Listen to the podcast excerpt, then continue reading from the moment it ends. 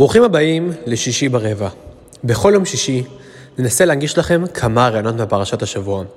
והשבוע, פרשת ואת חנן. פרשת השבוע ואת חנן מכניסה אותנו פנימה לפרשיות המצוות, הנפתחות בתיאור תחיית בקשתו להיכנס, להיכנס לארץ ישראל. תיאור, תיאור של מתן תורה, עשרת הדיברות, הברית בהר סיני, כפתיח לפרשיות המצ, המצוות. ננסה להבין את הקשר בין כל, בין כל הפרשיות על רגע השהות במזרח.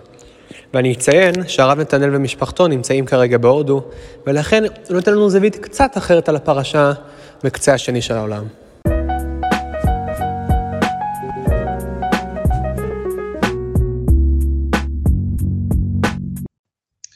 שלום לכולם, שלום לכולן, כל אחד ואחת באשר הם. פרשת השבוע שלנו, פרשת ואת חנן, מכניסה אותנו הישר לתוך נאומו של משה, דברי הפרידה של משה. משה פותח את הפרשה בתיאור בקשתו להיכנס אל הארץ, בקשה שנענתה בסירוב. אעברה נא את הארץ הטובה, ואז במעין משחק מילים מרתק, ויתבר בי השם למענכם. מאעברה נא ויתבר בי השם, השם בי למענכם, ולא שמע אליי. והפירוש והמילים האלה, ויתבר בי השם בי למענכם, אה, צריך קצת הסבר, ננסה לגעת בזה בהמשך. אה, אז משה נהנה בסירוב, יהושע הוא זה שייכנס, צו את יהושע, חזקהו ואמצהו, משה נאלץ לוותר על התשוקה שלו להיכנס אל הארץ. המשך הפרשה, בנוסף לאזכורי בעל פאור, שהוא כאמור החטא המכונן של דור הכניסה לארץ, החטא האלילי, המשיכה לאלילות, משה מדגיש לשמוע על החוקים ולמצוותים, לא להוסיף ולא לגרוע, לקבל את מה? את הציווי עצמו כפי שהוא, ואתם מדבקים בהשם אלוקיכם חיים כולכם היום. מכאן הוא עובר לתאר את מה שהיה במעמד הר סיני. די מובן למה לפתוח בתיאור מתן תורה.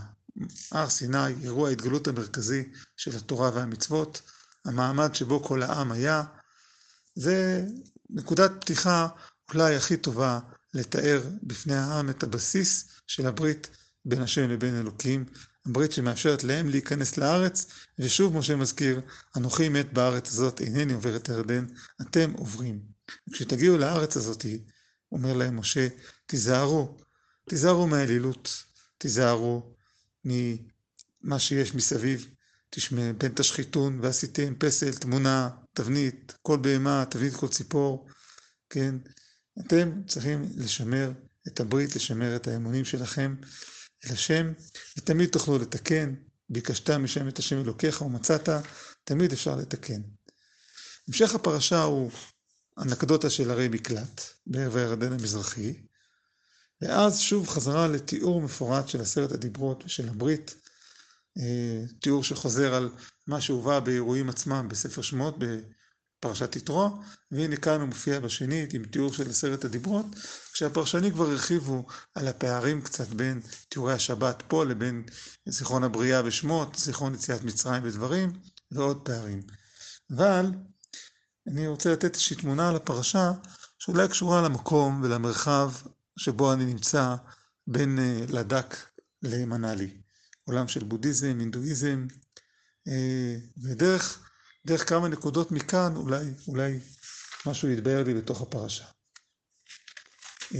אחת המילים שנוספו במתן תורה בדברים שלא כתובים בשמות, זו מילה שהיא לא מתארת פרט בתיאור של נוסח הדיברות עצמם, אלא היא מתארת תפאורה שונה. מה אני מתכוון? התורה כותבת בדברים ותקרבון ותעמדון תחת ההר וההר בוער באש עד לב השמיים, חושך ענן וערפל. מוסף, משה מוסיף בשנת ה-40 מילה שכלל לא מופיעה בספר שמות, זאת המילה חושך. האירוע, מצד אחד יש בו אש, ההר בוער באש עד לב השמיים, תדמיינו אש עוצמתית שמגיעה עד לב השמיים, אבל העם, העם פוגש חושך. כן, משמעות הדבר היא שבעצם לעם אין זיכרון חזותי של האירוע, אין זיכרון של ההתרחשות. היה חושך, הם לא ראו שום דבר. אז אמנם ההר בוער באש, יש ענן גדול, אבל אי אפשר לראות דבר, החושך עוטף את הכל, כמו שמשה מתאר להם, כל דברים אתם שומעים, תמונה אינכם רואים זולתי קול.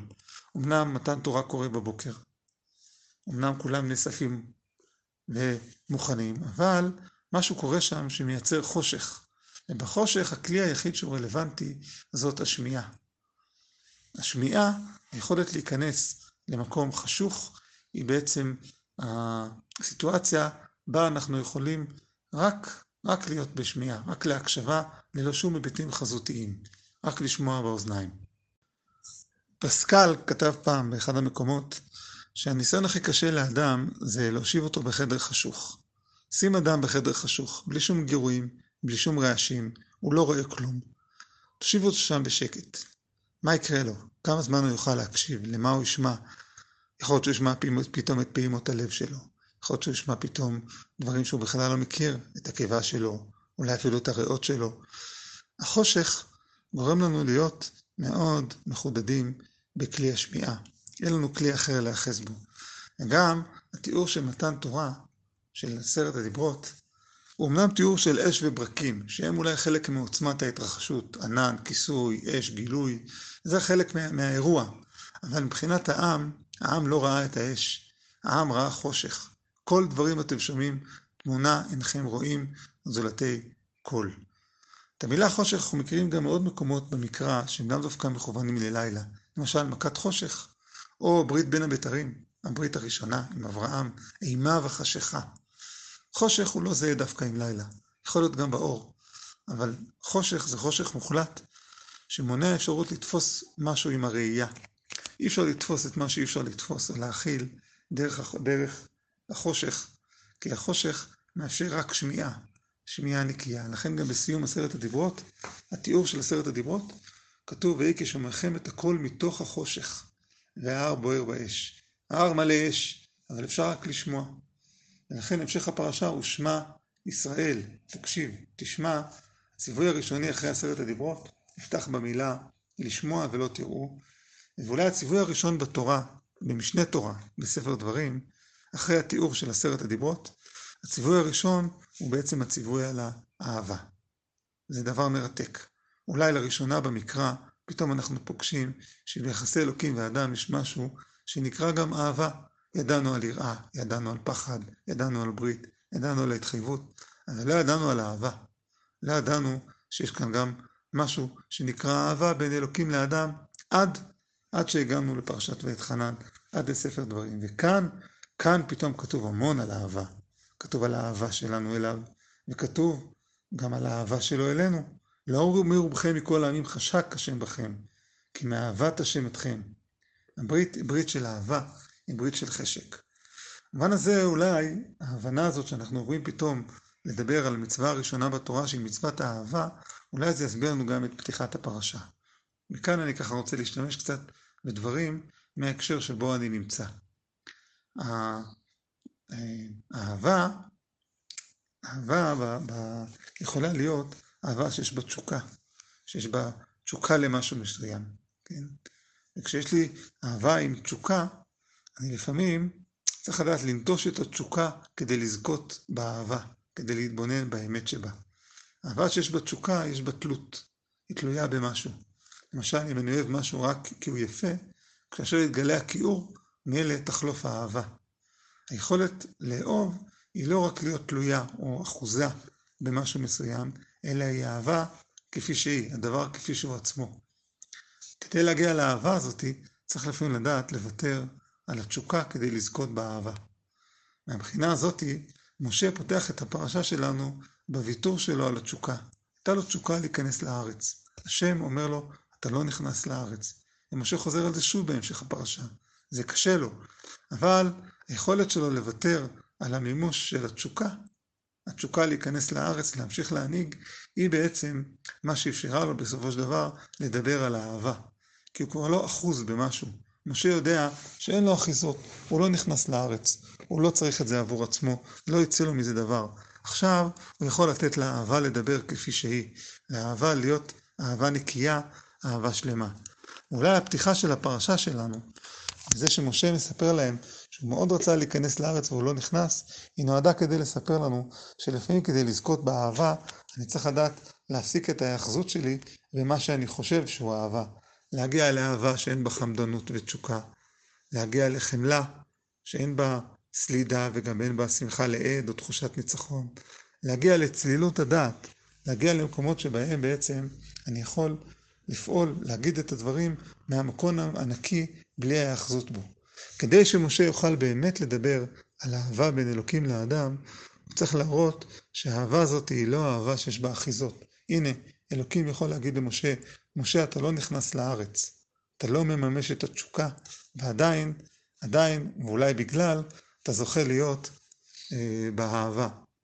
המילה אה, נירוונה במזרח, התרגום של המילה נר, נירוונה, זה בלתי מותנה. כן, שאני יכול לפעול בצורה בלתי מותנית מול דברים, אני בעצם יכול להגיע למקום של ההערה. כשמשה יכול לדבר על עם ישראל, על ארץ ישראל, על התורה, על אהבה בין אלוקים לאדם, הוא יכול לדבר על זה דווקא בגלל שבעצם אין כאן התניה. זה לא אני אוהב אותך ולכן תיתן לי להיכנס לארץ, אלא אני אוהב אותך, אני לא אכנס לארץ, ועכשיו אני יכול באמת לדבר על האהבה, על האהבה הנקייה שיכולה להיות בין אלוקים לאדם. ולכן משה מחכה עד לכאן. משה בוחר לדבר על האהבה רק כשבעצם הוא יודע והוא מוכן לוותר על התשוקה להיכנס לארץ, ואז הוא יכול לדבר על זה שהמצווה הראשונה בתורה של משה, במשנה תורה, המצווה הראשונה שיש לנו כאן בספר דברים, זה יפהפה לראות את זה, אחרי התיאור של עשרת הדיברות, שזה בעצם מה שניתן בסיני, אלא את הדברים האלה דיבר השם אל כל קהלכם, מתוך האש, הענן והערפל, שמעתם את הכל מתוך החושך, זה כבר היה. עכשיו לאור זאת, לאור מה ששמעתם, שמרתם לעשות את הכל. זאת המצווה והחוקים, שמעת ישראל, ועכשיו מה תשמע? מה הציווי? זה בעצם הציווי הראשון של משה, הציווי הראשון בספר דברים של התורה, הוא מצוות ואהבת את השם אלוקיך בכל לבבך ובכל נפשך ובכל מאודיך. זוהי המצווה הראשונה. כדי לזכות באהבה, אנחנו צריכים באמת להיות מוכנים או בשלים או ראויים לאהבה. וכאן משה מגיע לזה בבשלות. ודווקא בגלל שיש אהבה, אז יש גם הקפדה, יש גם ברית, יש גם ציפייה, יש גם אכזבה, יש גם רצון שיהיה פה נאמנות, שזה יהיה שלם, שזה יהיה נקי, שזה לא יהיה תלותי. הפנייה אל האלילות, אל האלילות המקומית, היא נובעת מזה שבעצם אין כאן באמת הישענות. יש כאן רצון לעוד דמות ולעוד דמות מפה ולעוד דמות משם, ואילו האהבה שלנו היא צריכה להיות אהבה נקייה שהיא לא מותנית בתלות, שהיא לא מותנית ברכב. אתמול עליתי על אה, נהג ריקשה, אה, מלא שהיה לו מקדימה בחזית שלו, מלא מלא פסטונים קטנים של כל ה... אה, לא כל כמובן, אבל חלק מפנתיאון האלים של ההינדואיזם. אמרתי לו, תשמע, איך אתה מסתדר עם כל כך הרבה אלים? למי אתה פונה? איך אתה יודע מתי לפנות למי ולמה? אנחנו בקושי עם אחד אנחנו מחזיקים, איך אתה מחזיק כל כך הרבה? הוא נקרע מצחוק במשך חמש דקות, כל הדרך הוא צחק וצחק וצחק וצחק. אה, ניסיתי לשאול אותו מי האל שהוא אוהב, עם מי הוא מדבר, מתי הוא מתפלל אליו. הייתה שיחה מאוד מעניינת בין אה, העולם שלנו, שמורגל בעמידה מול האחד, לבין אה, דיבור עם אדם שרגיל להיות עם כל, עם, בעולם רווי, רווי אלים, עם מילים שיותר קרובים, מילים שפחות קרובים, מילים שיותר מדברים מליבו, מילים שפחות מדברים מליבו. הפער היה כל כך גדול, שהרגשתי שאנחנו באמת, באמת לא מבינים אחד את השני. אבל, אבל האהבה, הרגשתי, האהבה יכולה, כשיש ריבוי של אלים, היא מייצרת בסוף איזושהי בחירה של האדם מי האל שאני רוצה ומי שאני לא רוצה, היא יוצרת היאחזות, היא יוצרת תלות, היא יוצרת בחירה. האהבה לאל האחד, שאפשר לראות אותו רק בחושך, בחדר סגור, שבעצם אי אפשר לראות אותו באמת, כן? שאנחנו לא יכולים באמת, אה, אנחנו צריכים לשבת כביכול בחדר חשוך, להתבונן בלי משיכה, בלי דחייה, בלי תשוקה למשהו, בלי מעשה, אלא רק חושך מוחלט, ואז אז אפשר להתבונן באמת, אז אפשר להגיע לאמת. האמת הזאת של החושך של מתן תורה, היא בעצם מה שמאפשרת להגיע בסוף לאהבה הנקייה, שאין בה תשוקה במשהו שאני רואה, שאין בה משהו שמושך אותי או משהו שדוחה אותי, אלא היא רק הדבר עצמו, ההתבוננות בדבר עצמו, ובזה בעצם משה פותח את ספר דברים, את ספר משנה תורה, את נאום המצוות שלו, ומצווה ראשונה שהיא מצוות האהבה שיכולה, שיכולה רק לבוא אחרי הוויתור על התשוקה, ומה שעוד מכונן את מצוות האהבה, שמה שעוד היא מאפשרת, זה את החמלה. אין כמו ערי המקלט כדי לבטא את החמלה. ערי המקלט, לבנות ערי מקלט לרוצחים, שבשגגה זה חמלה שאין בה שמחה לאיד. אני לא רוצה לדפוק את הרוצח, אני לא רוצה להעניש אותו, אני מרחם עליו. אני רוצה לתת לו. הוא רצח בלי דעת, הוא לא שונא לו אתמול שלשום.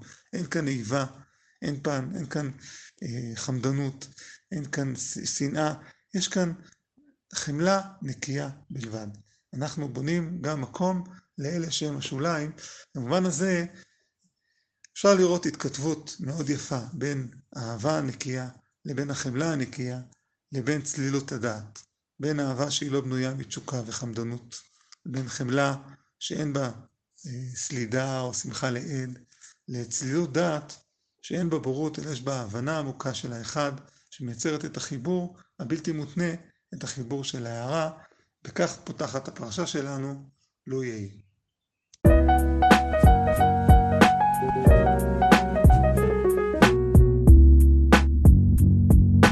וכאן כאן גם המקום להגיד תודה למשה שוורצברג על העריכה וההפקה של הפודקאסט.